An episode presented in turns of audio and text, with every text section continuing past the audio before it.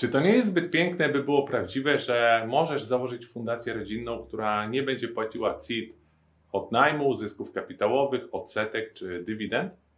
Czy w ostatecznym rozrachunku podatek rzeczywiście wyniesie zero? I czy warto zakładać fundację rodzinną, jeśli Twoim celem jest jedynie optymalizacja podatkowa i konsumpcja zysków?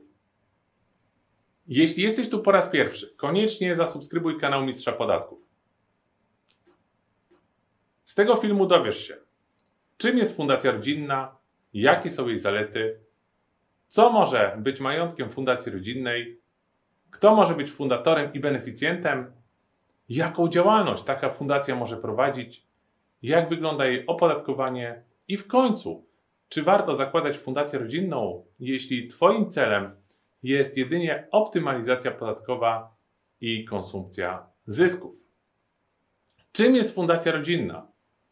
Jest to osoba prawna utworzona w celu gromadzenia mienia, zarządzania nim w interesie beneficjentów oraz spełniania świadczeń na ich rzecz.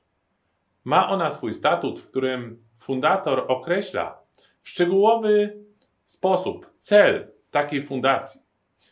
I teraz bardzo ważna uwaga. Fundacje rodzinne nie mają niczego wspólnego z fundacjami publicznymi, które funkcjonują na podstawie ustawy o fundacjach.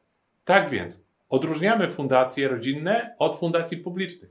I w tym filmie koncentrujemy się na tych pierwszych. Jakie są zalety fundacji rodzinnej? Aż tak duże, że jest ona nazywana rodzinnym skarbcem. Rzeczywiście jest wzorowana pod kątem prawnym i podatkowym na rozwiązaniach z innych krajów, w których to rozwiązanie się sprawdziło, na przykład Austria, Szwajcaria, Liechtenstein. Ale do rzeczy. Jej zaletami są ułatwienie zorganizowania sukcesji, czyli przekazania sztafety kolejnemu pokoleniu, zarówno w przypadku firm rodzinnych oraz w przypadku innego rodzinnego majątku, na przykład nieruchomości czy papiery wartościowe. Ochrona majątku przed jego rozdrobnieniem, na wypadek trudności w porozumiewaniu się między spadkobiercami, zabezpieczenie majątku, akumulacja majątku poprzez reinwestowanie zysków, a także atrakcyjne, choć nie wolne od VAT opodatkowanie, jednak promujące reinwestowanie i zwiększanie majątku. Z założenia do momentu wypłaty świadczeń na rzecz beneficjentów nie ma podatku dochodowego. Czy już zacząłeś zastanawiać się, czy fundacja rodzinna jest dobrym rozwiązaniem dla Ciebie i Twojej rodziny? Jeśli prowadzisz biznes w formie spółki, inwestujesz w nieruchomości albo papiery wartościowe, jak najbardziej powinieneś zainteresować się nieco bardziej tym tematem. Co może być majątkiem fundacji rodzinnej? Mieniem fundacji rodzinnej mogą być m.in. nieruchomości, udziały w spółkach, papiery wartościowe, np. akcje, ETF-y, środki pieniężne, w tym waluty obce. Majątkiem fundacji będą też wypracowane zyski oraz majątek nabyty w zamian za majątek dotychczas posiadany lub wypracowany. Fundacja rodzinna może otrzymywać darowizny, jednak przez dokonanie darowizny darczyńca nie staje się fundatorem. Darowiznę do fundacji rodzinnej może też przekazać sam fundator. Co do wniesienia mienia, z podatkowego punktu widzenia jest jedna niezwykle istotna kwestia. W przypadku, gdy fundacja rodzinna będzie miała więcej niż jednego fundatora, pełne zwolnienie z PIT-u u beneficjentów nie znajdzie zastosowania. Na gruncie tego podatku będziemy mieli do czynienia z proporcją wyliczoną zgodnie z wartością mienia wniesionego przez każdego z fundatorów i opodatkowanie nie będzie już tak atrakcyjne. Jest to jeden z powodów, dla którego fundacje rodzinne w większości przypadków będą tworzone przez jednego fundatora. Jeśli jednak fundatorami będą małżonkowie, a beneficjentami ich dzieci czy wnuki, wtedy wspomniana proporcja i opodatkowanie na gruncie PIT nie będą miały zastosowania. Fundator. Fundatorem może być tylko osoba fizyczna. Do powstania fundacji rodzinnej wymagane jest jego oświadczenie o ustanowieniu fundacji rodzinnej w akcie założycielskim albo w testamencie. Skoncentrujmy się tylko na tym pierwszym. Tak więc, fundacja rodzinna w organizacji powstaje w momencie sporządzenia aktu założycielskiego. Z chwilą wpisu do rejestru fundacji rodzinnych, fundacja rodzinna w organizacji staje się fundacją rodzinną i uzyskuje osobowość prawną. Rejestr fundacji rodzinnych prowadzi Sąd Okręgowy w Piotrkowie Trybunalskim. Napisz proszę w komentarzu, czy Twoim zdaniem to dobry pomysł, aby tylko jeden sąd w Polsce rejestrował fundacje rodzinne. Przy okazji dopytam, czy dotarły do Ciebie doniesienia z prasy lub e, od osób z Twojego otoczenia o pierwszych zarejestrowanych skarbcach rodzinnych? Przy ustanawianiu fundacji rodzinnej fundator wnosi imienie na pokrycie funduszu założycielskiego o wartości określonej w statucie nie niższej niż 100 tysięcy złotych. Od razu Ci powiem, że takie wniesienie imienia do fundacji rodzinnej czy późniejsze wniesienie kolejnych aktywów w formie darowizny nie podlega opodatkowaniu ani PIT, ani CIT. Do kwestii podatkowych jeszcze wrócimy. Fundator wnosi majątek i przestaje być jego właścicielem. W ten sposób te aktywa przestają podlegać pod różne ryzyka. Niemniej Fundacja Rodzinna odpowiada solidarnie z fundatorem za jego zobowiązania powstałe przed jej ustanowieniem. Pewnie się ze mną zgodzisz, że w wielu przypadkach Fundacja Rodzinna stanowi silne zabezpieczenie majątku.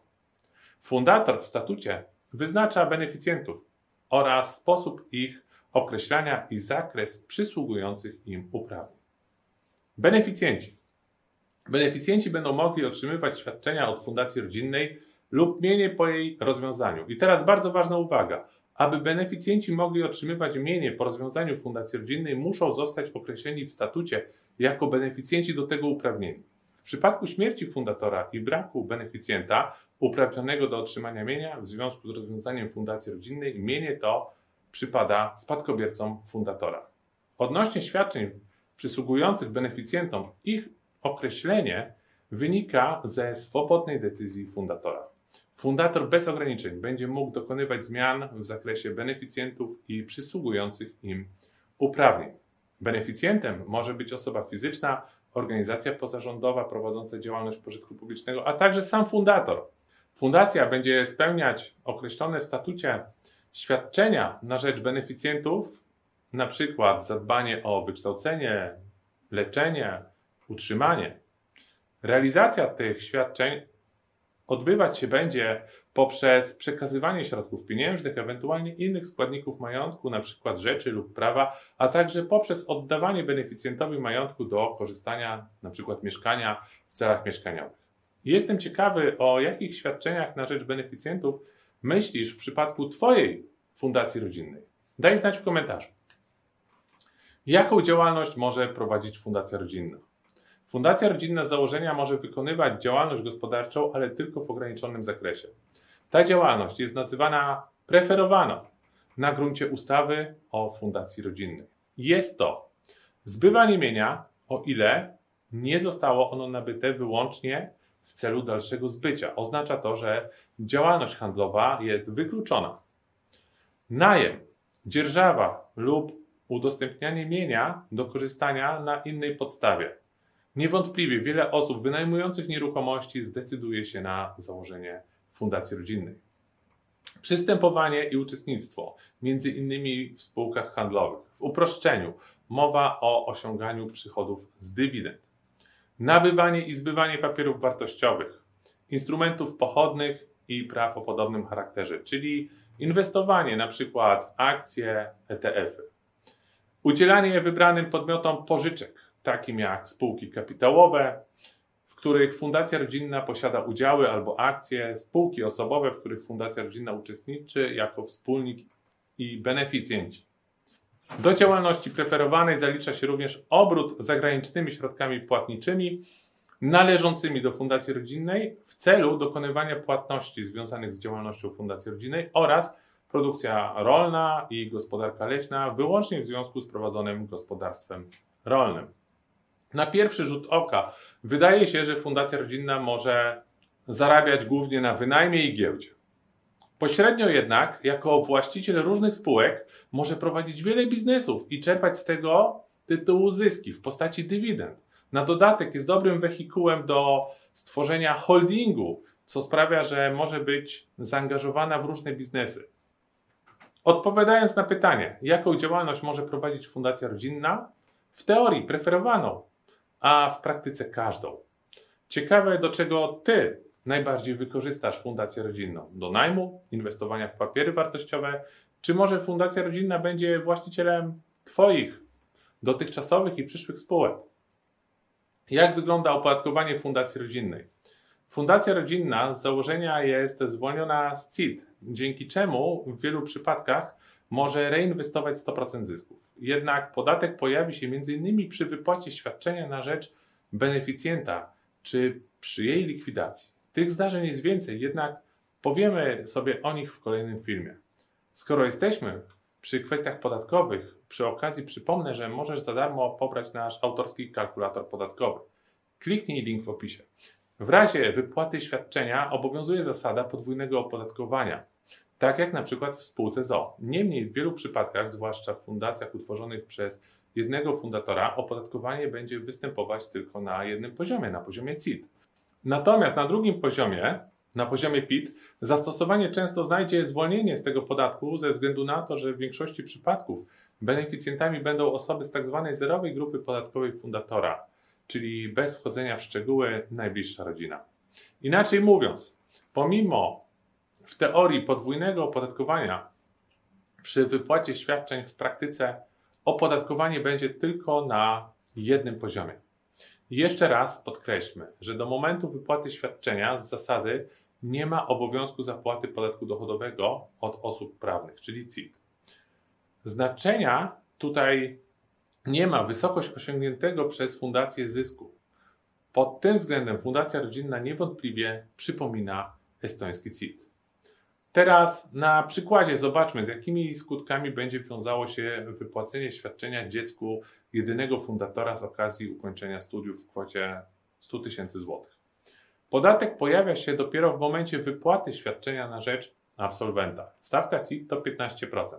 Podstawę opodatkowania stanowi przychód odpowiadający wartości świadczenia. Podatek na drugim poziomie, PIT, w tym momencie się nie pojawi ze względu na bardzo bliskie pokrewieństwo fundatora i beneficjenta. Ile zatem wynosi efektywny podatek? Wydawałoby się, że 15%, jednak wynosi on w przybliżeniu 13%. Skąd taka wartość? Mianowicie Fundacja Rodzinna wypłaca 100 tysięcy złotych i oprócz tego musi zapłacić CIT w kwocie 15 tysięcy złotych. Łączny wydatek fundacji z tytułu wypłaty świadczenia to 115 tysięcy złotych. Otwórz kalkulator i podziel kwotę CIT 15 tysięcy złotych przez kwotę całkowitego wydatku 115 tysięcy złotych. Ile wychodzi? No jasne, że 13%. Tak więc, z założenia Fundacja Rodzinna może osiągać przychody z dywidend, otrzymywać odsetki od pożyczek udzielonych na przykład beneficjentom, osiągać zyski z giełdy, wynajmować nieruchomości, czy sprzedawać nieruchomość, którą wynajmowała i nie zapłacić podatku. Przy czym nie powinna handlować nieruchomościami, bo wtedy wyjdzie poza obszar działalności preferowanej. I od takiego dochodu zapłaci 25% CIT i potem jeszcze 15% CIT przy wypłacie świadczenia.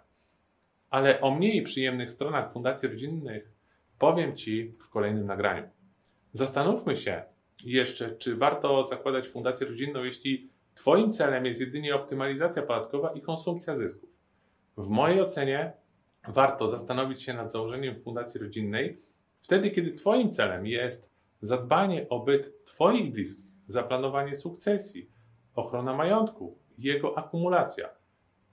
To właśnie całkiem atrakcyjne, choć nie do końca doskonałe opodatkowanie pomaga w pomnażaniu majątku w ramach fundacji rodzinnej. Jeśli jednak Twoim celem jest jedynie optymalizacja podatkowa i bieżąca konsumpcja zysków, wtedy zapewne znajdzie się wygodniejsze i korzystniejsze od fundacji rodzinnej rozwiązanie. Daj znać w komentarzu, dla kogo Twoim zdaniem fundacja rodzinna może być szczególnie atrakcyjna. Napisz też, czy myślisz, że dość korzystne opodatkowanie fundacji rodzinnych długo się utrzyma?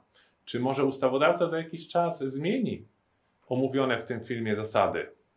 Lub na przykład będzie zdecydowanie bardziej opodatkowywał majątek? W tym fundacji rodzinnych. Dziękuję Ci za obejrzenie tego nagrania. A teraz przejdź do opisu i kliknij link, aby odebrać nasz darmowy kalkulator. Pozdrawiam Cię serdecznie. Marek Golec.